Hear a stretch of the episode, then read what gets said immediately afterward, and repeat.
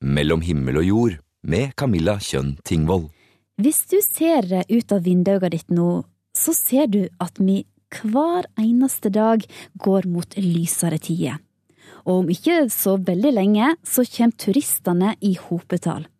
Og for mange så er et besøk i en norsk stavkirke på lista over det som en rett og slett bare må oppleve når en er på ferie i Norge. I dag så tenker vi kanskje at eh, stavkirkene de er en selvsagt del av Norge som vi må vise fram.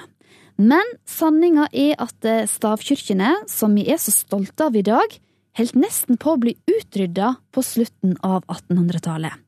Nå skal du få høre om ei av de som ble berga i siste liten av en streng, men snarrådig mann. Du skal få bli med meg til sørsida av Sognefjorden. Til Vik i Sogn og den nærmere 1000 år gamle Hopperstad stavkirke. Det er jo flere tusen deler som er satt sammen til denne solide konstruksjonen. Og det har vært stormer her i Vik, så det har blåst og skadet både låver og bygninger og båter og alt. Men eh, Hopperstad er det bare litt knirk i taket. Det betyr at den bare tilpasser seg. Den lever. En gang en del av 1000, eller kanskje så mange som 2000 stavkirker i Norge. I dag i en eksklusiv liten klubb bestående av 28 stavkirker. Hei, jeg heter Kari Viken Sunde. Jeg er tilsynshaver ved Middelalderkirken i Vik, Hopperstad stavkirke og Hove steinkirke. Og i dag skal Kari tas med inn i ei av de eldste stavkirkene i landet. Hun tar fram en stor, svart metallnøkkel. Den er ganske ny, for eh, den gamle ble stjålet for en del år siden. Midt på dagen i eh, masse turister. Så skulle guiden låse kirken om kvelden, så var den borte. Så etter det så lar vi aldri nøkkelen stå. Så den er laget av en smed i Lavik. De fleste stavkirkene i Norge er bygd mellom 1130 og 1350, altså før svartedauden kom og satte en stopper for all byggeaktivitet. De mest befolka plassene i landet hadde steinkirke, mens stavkirkene ble ofte satt opp eh, der det bodde færre folk. De tidligere vikingene sin kunnskap eh, om egenskapene til tre kom godt med når stavkirkene skulle bygges. Oh, vi ser et fantastisk kirkerom og en høyde som er veldig sjelden i stavkirkene. Vi ser helt opp til toppen. Og vi ser Andreaskors, buer, arkivolter, eh, søylene. Og all, eh, alle søylene, eller stavene, har vært dekorert. Det ser man rester av maling både på vegger og på søylene. Men det er blitt tatt vekk. Så i dag så ser vi en trehvit kirke som er blitt veldig mørk av, av elde. da. Det har eksistert stavkirker rundt omkring i Europa i middelalderen, men alle har fallet fra gradvis. Det skjedde nesten i Norge òg. I 1851 så var det en kirkelov som rett og slett ba om eh, at alle samfunn, bygder og byer måtte bygge kirker tilpassa befolkningsnummeret som bodde der. Og eh, det var en katastrofelov for stavkirkene, som betydde at veldig mange ble revet. Nye og større kirker skulle bygges, og stavkirkene ble revet i stor stil overalt i landet. Delene fra stavkirkene ble auksjonert bort til vanlige folk, som f.eks. kunne bruke materialer i husene sine. I Sogndal hadde jo auksjon over Sogndal stavkirke på Steie. Der det nye står i dag. ikke sant? Det sto en svær stavkirke. Og det er jo et regnskap over auksjonen av de delene som var i den. Det er bare helt umulig å, få, å tenke seg hvordan det var. Mm. Ja. ja. For i dag hadde dette skjedd i dag? At en kunne ha tatt nei, ned hele stavkirken? Kulturminner er fredet, og her kan man ikke gjøre noe sånt, nei. nei. Hopperstad stavkyrkje levde òg farleg etter at den nye kyrkjelova ble innført i 1851. Til slutt bestemte kommunen seg for å selge den eldre delen til Fortidsminneforeningen. Den yngre delen ble auksjonert bort. Mens andre stavkyrkjer i nabobygdene ble revet, hyra Fortidsminneforeningen inn Peter Andreas Blix, som starta restaureringa av trekyrkja. Tilbake til slik eh, en trodde hun så ut på katolsk tid på 1100-tallet. Den kjente arkitekten fikk etter hvert ei personlig interesse for kyrkja, og han la ned betydelige summer fra egen lomme i restaureringa. Han brukte Borgund stavkirke som en modell for restaurering av Hopperstad i det ytre. Altså Når du kommer inn i stavkirken her, så er jo den aller mest originalt, men sval gang og takrytter og alle de trappevise takene oppover er eh, nok eh, brukt eh, kopier, kopiert da, fra mm. andre. Mm. Gol, f.eks.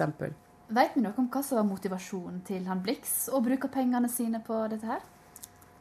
Han må ha hatt en grunnleggende interesse for kirker og arkeologi, og det var i den senere del av livet hans. Han bygde jo kanaler og tegnet jernbanebygninger, stasjonsbygninger eh, rundt i Norge. Så han jobbet med veldig mye forskjellig helt fra han begynte å arbeide i Norge. Han var utdannet i Tyskland. Eh, og han eh, hadde aldri familie eller eide noe eget hus, eiendom. Og hadde nok sikkert god inntekt. Det var mange på slutten av 1800-tallet som ikke skjønte hvorfor Peter Andreas Blix la ned så mye tid og penger i restaureringa av Hopperstad stavkirke. I dag, 125 år seinere, er stavkirka viktigere enn noen gang. Og bygdefolket er veldig takksomme for arbeidet Peter Andreas Blix la ned. Etter eh, som årene har gått, så er den blitt større og større. Så vi har jo kalt uh, store gymsalen vår, eller hva heter det, Blix Halli. Ja. Og vi har uh, nå fått et nytt hotell i Vik som heter Blix hotell. Mm. Så, og skolebarn, barnehagebarn bruker kirka masse. Uh, nå er det et skuespill også som Jens Brekke har laget, som tar med seg historien i Vik fra langt før kristendommen og opp til kristendommens tid og eh, med de gamle kirkene. Så historie den vokser og vokser. Det er mer og mer viktig. Så. Eh, skilte han seg litt fra folk på den tiden? Helt klart her i Vik, i hvert fall. Her var han ganske hard. Så, men samtidig så har alle veldig stor respekt for det han gjorde. Hadde ikke han vært her, så hadde ikke, hadde ikke det vært noen kirke. Og Peter Andreas Blix, eh, han redda ikke bare ei, men han redda hele to kyrkjer i Vik. I 1880 så kjøpte han HV Hove steinkirke, som ble bygd omkring 1170. Kyrkja var i dårlig forfatning, og de som styrte i Vik på den tiden, de hadde lyst til å rive kyrkja og selge klebersteinen til Bergen og Håkonshallen. Blix han satte ned foten, kjøpte kyrkja og starta restaureringa, og i dag så ligger han gravlagt under gulvet i middelalderkyrkja. Mellom himmel og jord. Og det er Human-Etisk Forbund vi nå skal snakke om. Vi trenger ikke kristendommen for å vite hvordan vi skal oppføre oss.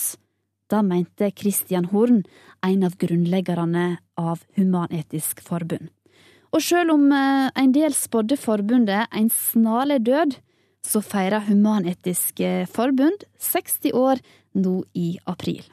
Vi skal ta en liten tur i disse 60 åra som har gått, men først så zoomer vi inn på grunnleggeren Christian Horn.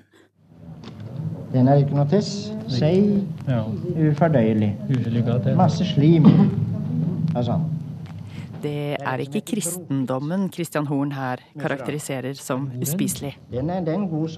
Det er soppeksperten Christian Horn som snakker i 1948. For det var botaniker som var yrket hans, og i mange år ledet han soppkontrollen i Oslo. Christian Horn ble født på Hadeland i 1903.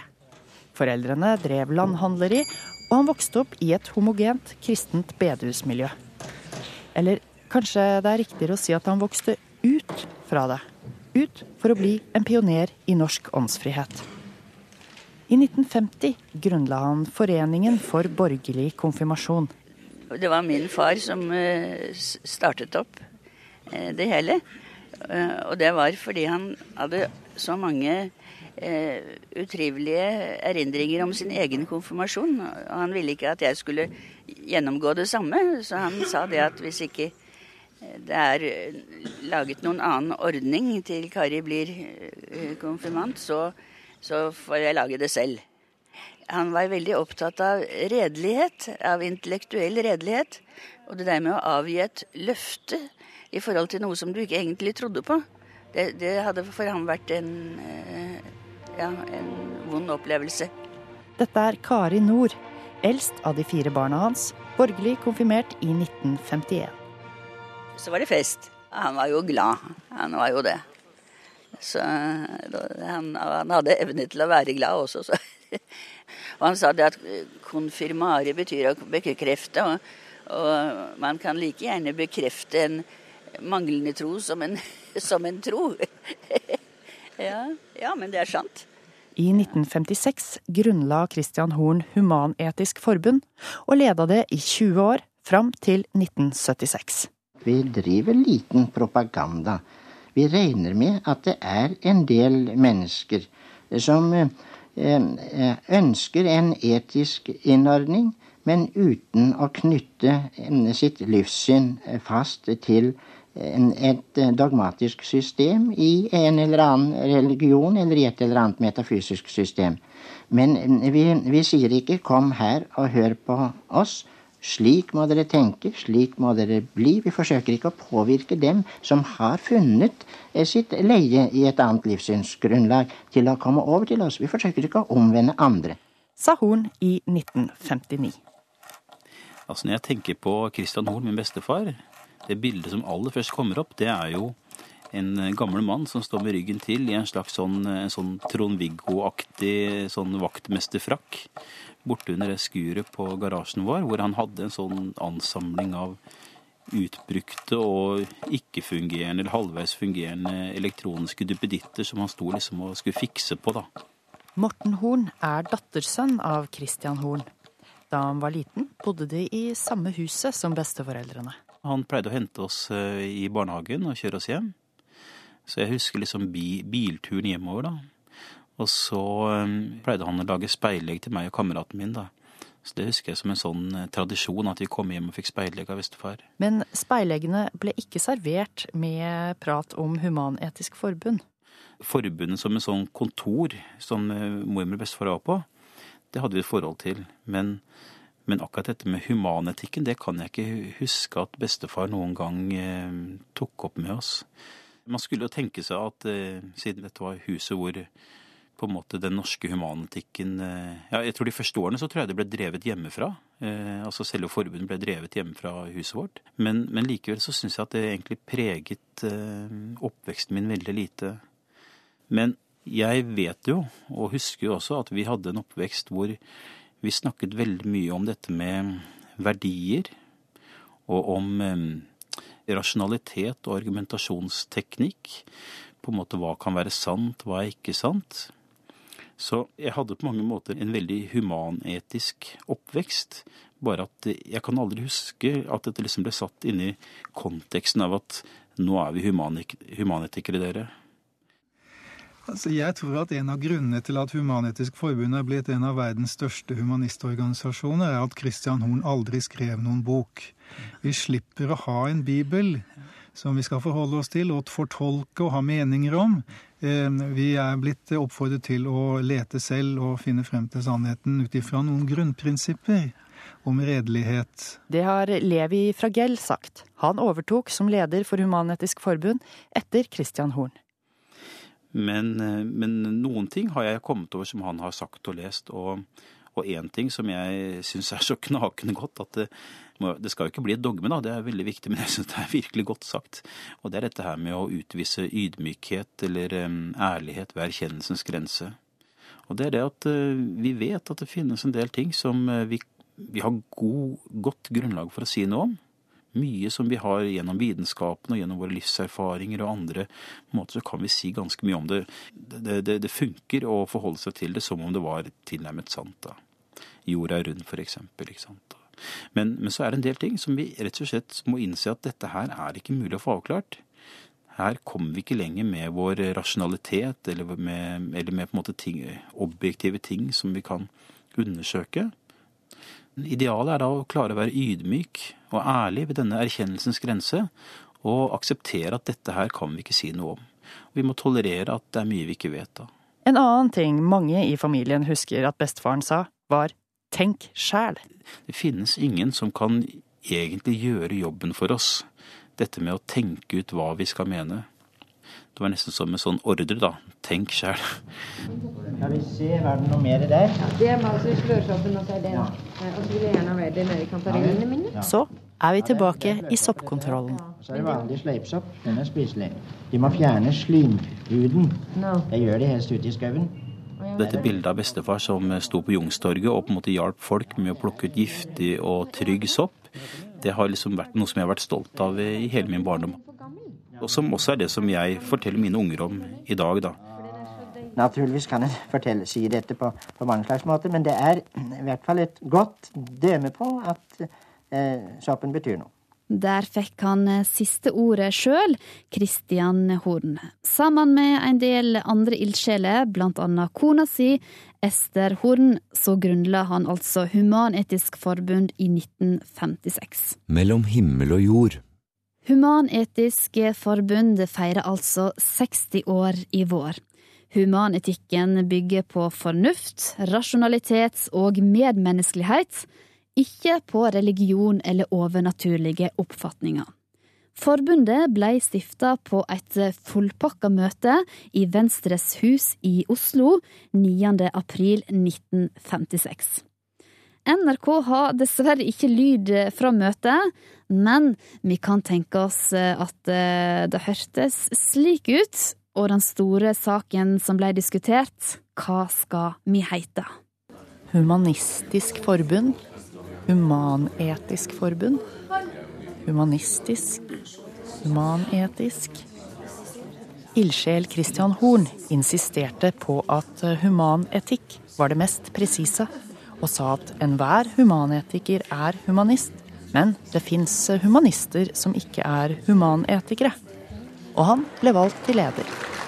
Det var én som stemte for Humanistisk forbund. Paul Knutsen er professor i moderne historie ved Høgskolen i Lillehammer. Og han skrev boka 'Livet før døden', da Human-Etisk Forbund var 50 år. Det var stor oppmerksomhet rundt dette her i avisene. Det var stor støtte fra Dagbladet. Og så ble det da eh, tatt eh, ikke fullt så varmt imot av avisen Vårt Land og av andre kristelige organer som mente at dette var et slag i duften, og at dette var altså et sorgens kapittel som nå ble innledet i, i, i Norge. Det blei nå innleda på en rolig og danna måte, iallfall. Med bare rundt 400 medlemmer det første året. Det tok lang tid før forbundet eh, kom ut av, skal vi si, den litt høyakademiske profilen som det var preget av fra starten og lenger. Professorer og doktorer og høyesterettsdommere osv. Altså, du hadde altså fra det øvre det, det var folk med en betydelig kulturell kapital som gikk inn her. 60-tallet var trange tider. Aksjonisme ble sett på som udanna, men med 70-tallet og folk som lever fra gell, ble det etter litt om og men og skepsis nye tider, med for eksempel store verveaksjoner. For medlemstallet hadde ikke gjort et hopp rundt 68, som man kanskje ville tro. De ble sittende litt på siden av denne radikale strømningen. Den ble forsinket med ti år, kan du si. Fra slutten av 70-tallet det skjedde noe. At livssynsspørsmål da ble mer sentrale for unge radikale mennesker, det kom, det kom på slutten av 70-tallet. Loven om selvbestemt abort er én viktig grunn her. Og mange kvinner rømte fra kirka. Det var en stor utmeldingsaksjon av, av statskirka. Det var en kjempemessig eh, viktig strid i samfunnet som definerte ulike fronter. Og her var Human-Etisk Forbund eh, gjenoppliving av helvete, altså helvetesdebatten, demonutdrivelser og denne typen ting, var jo også fenomener som var sterkt framme i tiden, og som jo ble en fordel for et sekulært orientert forbund, som Human-Etisk Forbund jo var. Mellom 1977 og 1981 blei medlemstallet femdobla. Lokallag spratt opp rundt i landet. I 1986, da forbundet fylte altså da 30 år, Da var det 30 000 medlemmer. Og dette fortsatte. 60 000 i 1998, og i dag er det 85 000 medlemmer. 1981, da gikk eh, Humanes Forbund på en måte gjennom perleporten, økonomisk sett. For da vedtok Stortinget faktisk enstemmig en ny lov at andre livssynssamfunn enn religiøse livssynssamfunn kunne få økonomisk støtte, i prinsippet på linje med den norske statskirken, og det var jo eh, av veldig stor betydning. Borgerlig konfirmasjon var hele tiden flaggskipet. På 80-tallet kom også borgerlig gravferd og borgerlig navnefest. For å ønske de nye verdensborgere velkommen til vårt menneskelige fellesskap. Men flere medlemmer betydde også ideologiske spenninger. De nye medlemmene, veldig mange av dem kom fra middelklassen. Fra den nye middelklassen som ble skapt av den voldsomme utviklingen av den norske velferdsstaten. Eh, og eh, det var folk som eh, politisk sett i stor grad orienterte seg mot venstre i politikken. De var opptatt av Nato. Rettere sagt av å bekjempe Nato og en rekke slike ting. slik at det var heftige debatter i forbundet om skulle, altså hva slags organisasjon forbundet skulle være. Og der tror jeg nok at det som ble enden på visa, var veldig klokt, eh, et klokt valg, hvor ikke minst Levi Fragell var en av de som, eh, som eh, førte an i, i, i, den, i, den, retningen. Nemlig at Human-Etisk Forbund skulle konsentrere seg om det som var kjerneområdet. Det var livssynsfeltet. Og så anbefalte han medlemmene i Human-Etisk Forbund dere har veldig mange andre organisasjoner hvor det kan gi uttrykk for de politiske preferansene dere har. 90-tallet var blant annet prega av kampen mot kristendom i skolen. Og så 1997. Året 1997 var et kriseår på veldig mange måter for uh, Human-Etisk Forbund. KRL-faget ble innført i skolen. KrF hadde statsministeren. Medlemsveksten stoppa, og generalsekretæren forlot forbundet på grunn av det han mente var religionsfiendtlige tendenser. Altså Det er et symptom på eh, en type motsetning innenfor forbundet som jo har vært der hele tiden, og som nok er der fortsatt, men da kom det, ble det satt på spissen. Forholdet mellom det å være religionskritisk og det å være religionsfiendtlig. Og forbundet fikk ikke være med i verdikommisjonen til Bondevik året etter heller. Eh, men dette har endret seg. For eksempel eh, så ble jo da Humanes Forbund medlem av Stålsett-utvalget, fra 2010, og som kom med sin innstilling i eh, begynnelsen av 2013 om det livssynsåpne samfunn. Forbundet har fått en mye viktigere rolle som premissleverandør, hvor man er med på utredning fra starten av, enn det de har vært. I 2000 ble Lars Gule generalsekretær, og menneskerettighetene ble enda viktigere som prinsipiell rettesnor. Alle menneskerettighetene, ikke bare dem som er lette å like.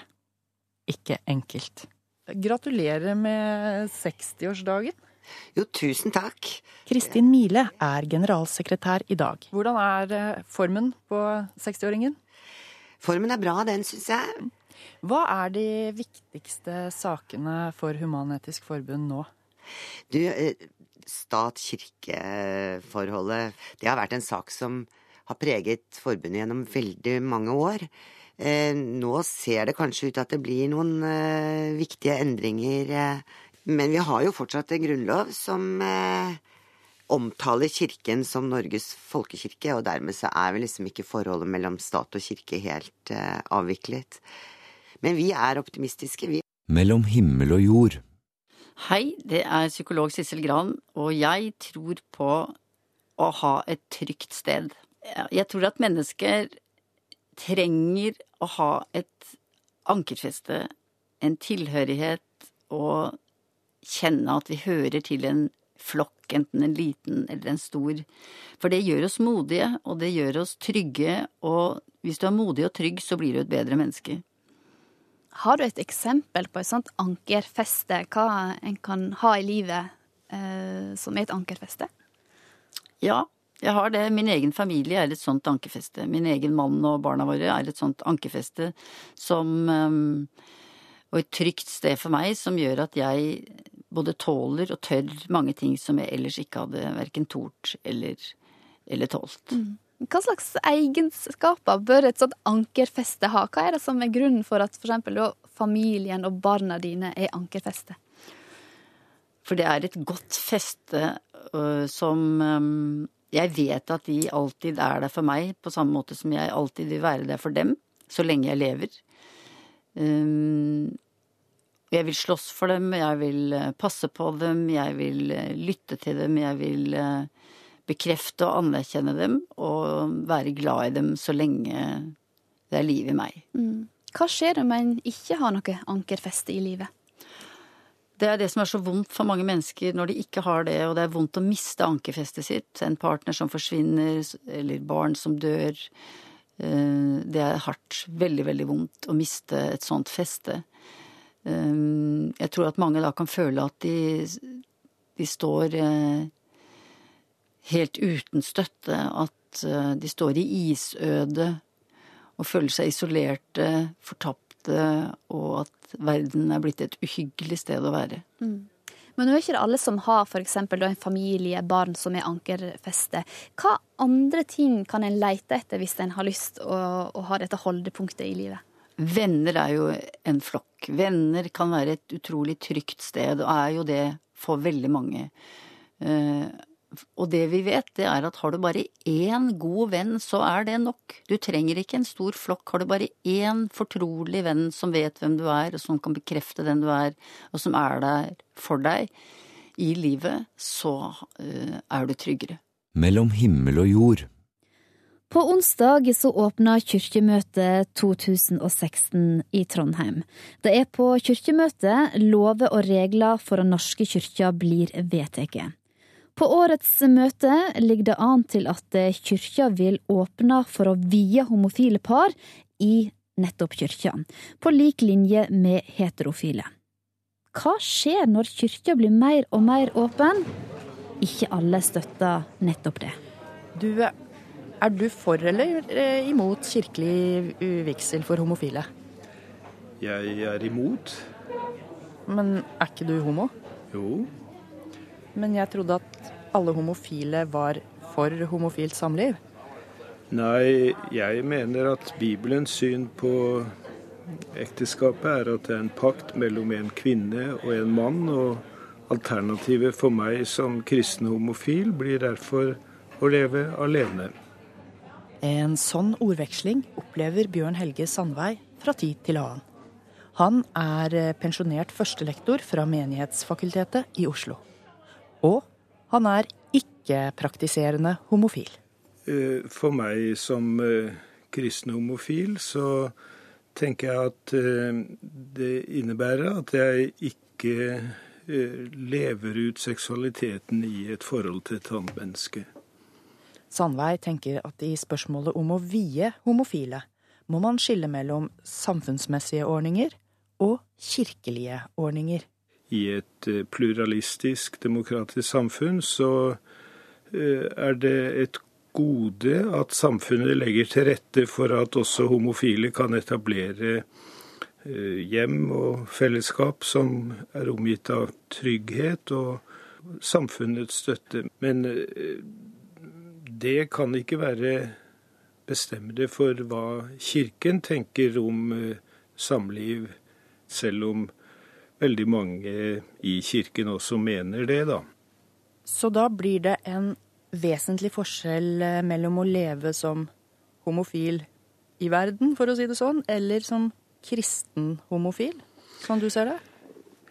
Ja, det, det, gjør jo det. Eh, det er min personlige mening, men jeg vil ikke binde andres samvittighet. Hvis noen eh, etter og arbeidet seriøst med eh, ekteskapets teologi og bibeltekstene, kommer til at de vil eh, inngå i et homofilt partnerskap, så tenker jeg de må ha mulighet til det, og vernes av storsamfunnet også. Det var i 13-årsalderen at Bjørn Helge Sandvei skjønte at han likte gutter, ikke jenter. Men han fortalte ikke om det før han var eh, rundt 30. jeg vokste opp i en tid hvor man ikke snakket så mye om sex i grunn. Og jeg syns jo det var litt, litt eh, dumt da at ikke jeg kunne ha de samme følelsene som jeg merket hos kameratene mine. Men eh, det det er noe med at en, lever, en lærer å leve med de vilkårene en har, og jeg har hatt et veldig godt og rikt liv. Mm.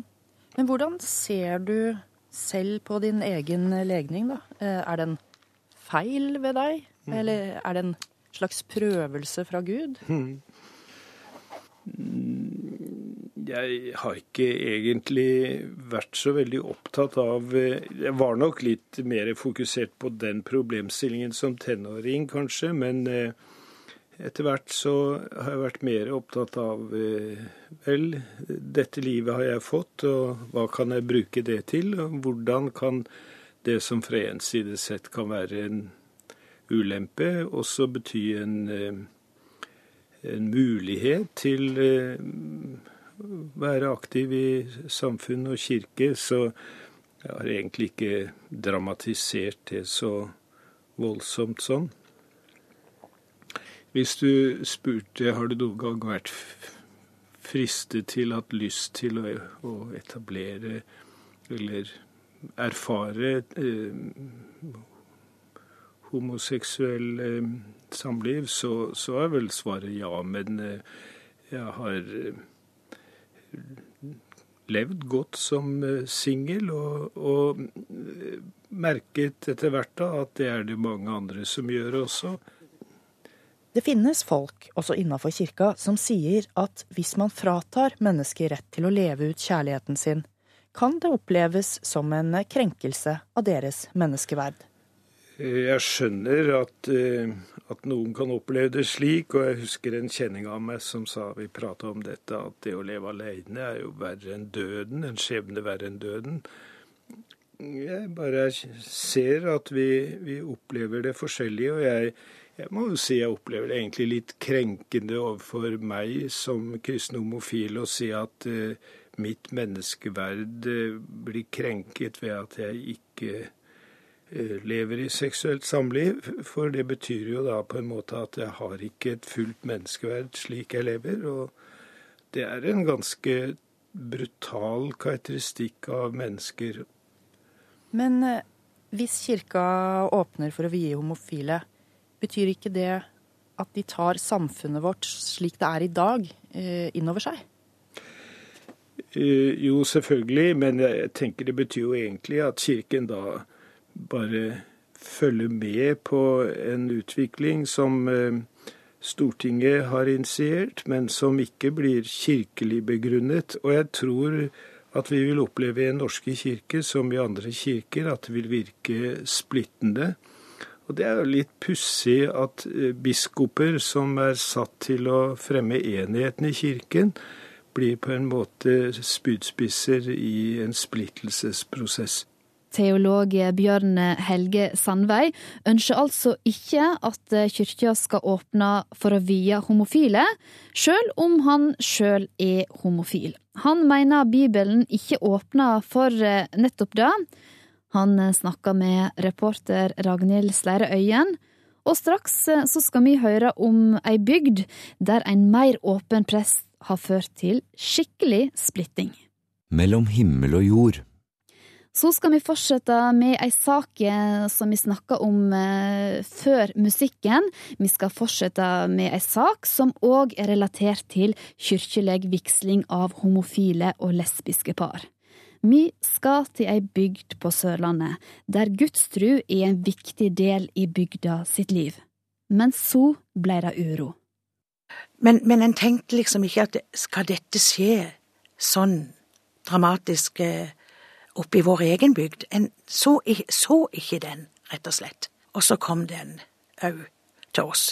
Denne stemmen tilhører Eva Tove B. Fuglestveit. Hun bor i sørlandsbygden Byremo. Det er ca. seks-syv mil nordøst for eh, Kristiansand. Det hun ikke så komme, var utfordringer som vel eh, toppet seg, spesielt etter fjorårets kirkevalg, der det jo ble flertall for at kirken nå går inn for å vie homofile og lesbiske par. For denne saken har jo i mange år skapt uro i kirken, og kanskje spesielt i eh, kirkens bedehuskultur, der grupper og personer i lengre tid har vært eh, misfornøyd med kirkens lære og syslet med tanker om egne menigheter. I lang tid har det vært et godt forhold mellom kirke og bedhus i Byremo. Kirken har hatt ansvar for gudstjenesten søndag klokken 11, mens bedhuset er en mer folkelig profil, inkludert kaffe og kaker. De to husene har utfylt hverandre, men nå har dette slått eh, sprekker. Fuglestveit kaller seg et helt vanlig statskirkemedlem, og ble veldig overrasket over hva som skjedde i hennes bygd, og ikke minst kraften i det. Så, så, så når disse ryktene nå der begynner å svirre om at eh, de vil danne egen menighet, så er det jo òg samtidig med at presten vår, som da blir pensjonert, da tilsetter de en ny prest, de hadde googla han og funnet ut at eh, han hadde svart ja på et spørsmål om Hvis han fikk spørsmål om å vie homofile lesbiske, så ville han svart ja. Sjøl fortalte han at i alle de årene han har vært prest, hadde det aldri vært tema. Han hadde aldri tatt det opp, men nå viser det seg kanskje da at når den presten ble tilsatt i vår menighet i bygda, så, så eskalerte denne eh, tanken om å danne egen menighet. Det at enkelte medlemmer nå trekker seg ut av kirken, henger som sagt sammen med uenighet om hvordan man skal tolke Bibelen, akkurat nå aktualisert i forhold til vigsling av homofile. Men det er flertall for dette, og nå på kirkemøtet i Trondheim 6. april starter prosessen med å lage denne nye vigslingsliturgien men har Fuglestveit forståelse for at enkelte er så overbevist om at de har rett i akkurat dette spørsmålet, at det ikke lenger kan forenes med det de mener er kirkens mer liberale tolkning av, av Bibelen? Jeg gjør i grunnen det òg, egentlig. Hva tenker du om det, da? Nei, jeg tenker jeg, jeg, har diskutert dette med mange og tenker sånn at jeg har lært mer om mine medmennesker det siste trekvart året enn gjennom hele livet mitt. Sier du det? Ja, så, så, så, fordi at jeg har satt meg kanskje litt mer inn i disse spørsmålene og, og denne kompleksiteten, mm. og, og, ser jo at eh, når en ikke har vært så sånn aktiv sjøl, og, og, det betyr for folk, så, så, det er jo fælt å være fordømmende, men jeg, jeg tenker sånn at jeg er så glad for vi har den rause, åpne folkekirka. Jeg blir mer og mer glad i den. Og, og, og, ser jo samtidig som at jeg forstår de som du spør om. Men jeg blir litt skremt også. Hva som skremmer det mest om akkurat det, da? Når en hører alle de menighetene og, og kirkesamfunnene som vi har i Norge. Og hvis alle, eller alle mener de har rett, så, så, så er det jo klart at det, det er vanskelig å tolke. Det forstår jeg jo absolutt. Eva Tove Fuglestveit er nå pensjonert lærer. Hun har vært både fylkes- og kommunepolitiker samt varaordfører i Audnedal kommune. Hun forteller at hun i bunn og grunn har bare ett ønske. At folket i bygda kan ha det bra sammen til tross for uenigheter. Det er akkurat det. Det er det jeg vil at vi skal ha. Og vi, vi har jo hatt det så bra sammen. Mm. Og, og, og det, det, var faktisk veldig det kom nesten som et sjokk når en forsto at det der var noe å gjøre. En trodde liksom ikke folk gikk rundt og, og, Nei, det kan ikke være tilfelle at de skal danne egen menighet. Men da når en begynte å undersøke tingene og, og gikk inn mer bokstavelig talt, og gikk på møter og forsto hva som skjedde, så, så er det jo gjort. Og det har skjedd. Og jeg skal ikke fordømme noen her jeg sitter. Men, men, men det jeg, jeg vil med, med, egentlig at jeg står fram, det er at det, det, det, er mange som sikkert har hatt det vondt og leit og stiller seg spørsmål om uh, hvorfor kan vi ikke leve i, i kirka sammen og ha forskjellig syn? Mm. For det er det jo flere som, som jeg vet som står på kirkas side fremdeles, som, som, ikke har gått ut, men som er imot denne nye ekteskapsloven. Men de mener at kirka må ha rom for mer enn et syn. Samtidig så, så tenker en på at på våre barn og unge at det kan bli vanskelig for mange. Det blir kanskje vennskap som blir brutt. Eh, for bedehuset har jo hatt veldig, og har, veldig flotte folk med seg. Ledere innen eh, barnekor og ungdomskor og ellers sånn barne- og ungdomsarbeid. Mm. Så, så, det er jo det stedet i bygda som hele ungdommen har samles. Mm. Og foreldre har sendt barna sine der, uansett om de har vært eh, troende eller ikke troende. Så, så det, dette har nå blitt selvfølgelig en diskusjon og spørsmål i mange hjem. Skal vi sende våre barn nå, som de har eh, tatt disse kirkelige tjenestene, bort fra kirka og over på bedehuset? Det er, blir liksom ikke det samme som før. Merker du noe sånn i bygden generelt, eller er dette noe som er bare sentrert rundt det kirkelige, eller er det nesten sånn at folk kan skue litt på hverandre på butikken og Eh, det, det, det, det, er klart at det har vært litt av det, men, men det er nok overdrivet. Vi, vi, er så tett på hverandre at vi, eh, eh vi, lever sammen og gjør det beste ut av ting. Mm. Men vi merker nok at eh, det er, er litt annet klima. Vi er litt mer på vakt mot hverandre. Vi er redde for å støte. Vi snakker ikke om disse spørsmålene når vi vet uh, vet om at vi er, vi er forskjellige. Vi ser forskjellige på det.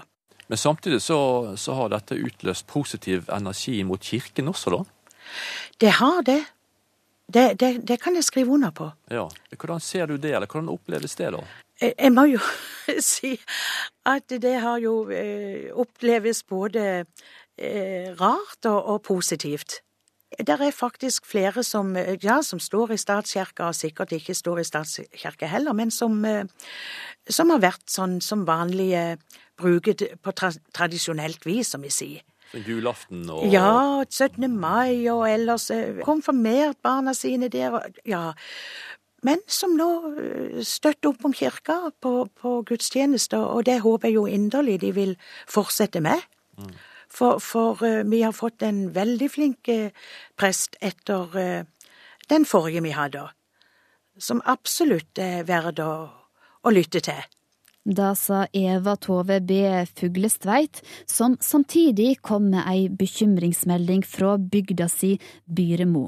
Hun hadde snakka med reporter Ove Gundersen. Årets kirkemøte åpner altså i Trondheim nå på onsdag, og da vil annet saka om vigsel for likekjønna bli videre behandla, etter at det ble flertall for vigsling ved kirkevalget sist høst. Mellom himmel og jord. Det er ørlite grann vår. Det er det. Det er jo noe som er grønt. Se her, det kommer det snøklokker overalt. Herlig. Se, sånne små tepper. Det er så deilig. Det er så deilig.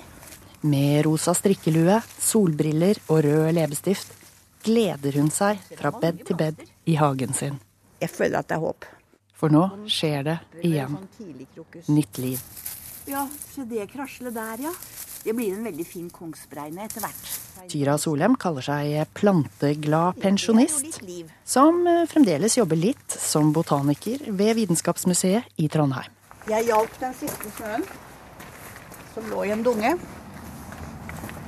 Det er utrolig hvordan det ser ut når snøen forsvinner. Hva mener du? Se på det her, da. Det er jo bare kaos. Visne plantedeler og tilfløyende plastposer og potter som jeg glemte å ta inn i høst, og brunt og stygt.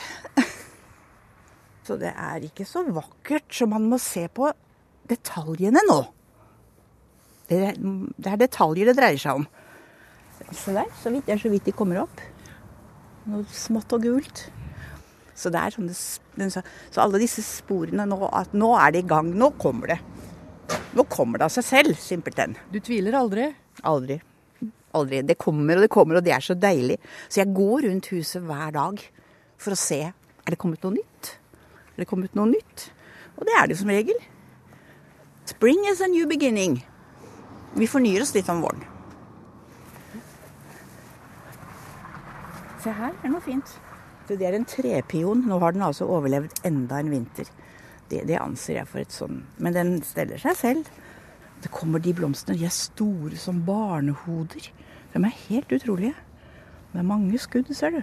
Det blir spennende. Mm. Jeg fører en hagedagbok. Det har jeg litt glede av. Sånn gjennom året. Hva jeg sår, og hvordan det går med det. og uh, veldig, Bak veldig mange frøposer står det 'forsvant i det store kaoset'. Men skitt, sånn er det. Og jeg elsker hagen. Uh, og jeg har den Jeg tror sånn Jeg er ikke så veldig flink til å sitte ute og slappe av i hagen. Hagen er for at jeg skal gjøre noe i den. Så uh, jeg tenker på det at jeg er såpass gammel nå, og folk spør skal dere ikke flytte i leilighet. Og jeg tenker over my dead body. For det, da vil jeg ikke ha Jeg må holde på med jord. For det første så kan man la tankene fly. Uh, og, så, og, det hender at jeg bare går rundt i hagen og drømmer.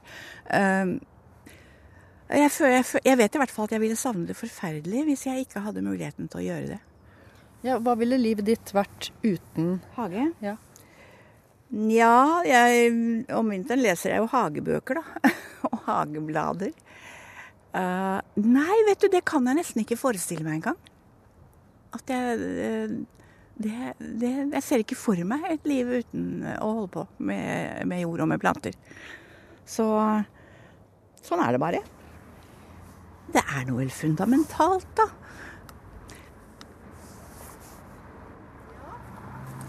Ja, det her, ja. Det skal bli spennende å se. Her kommer det Ser du, kommer det opp noen tynne, tynne Det er tulipaner. Ja som uh, har trua seg gjennom Oi, det må jeg vel faktisk rydde litt rundt. De så litt for skremt ut. Hva slags kontakt har du med plantene? Jeg, de som jeg driver inne, snakker jeg jo litt med, da. Men ute så bare nevner jeg sånn hvis det går dårlig med en at det er kort vei til komposten her. Så da hender det noen tar seg sammen.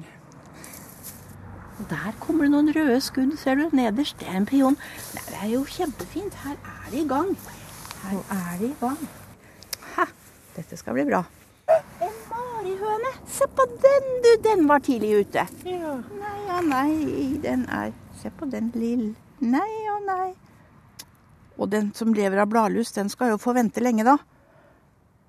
Toprikket, ser du. Ja, men det var jo hyggelig at de er på plass. Dette skal bli bra.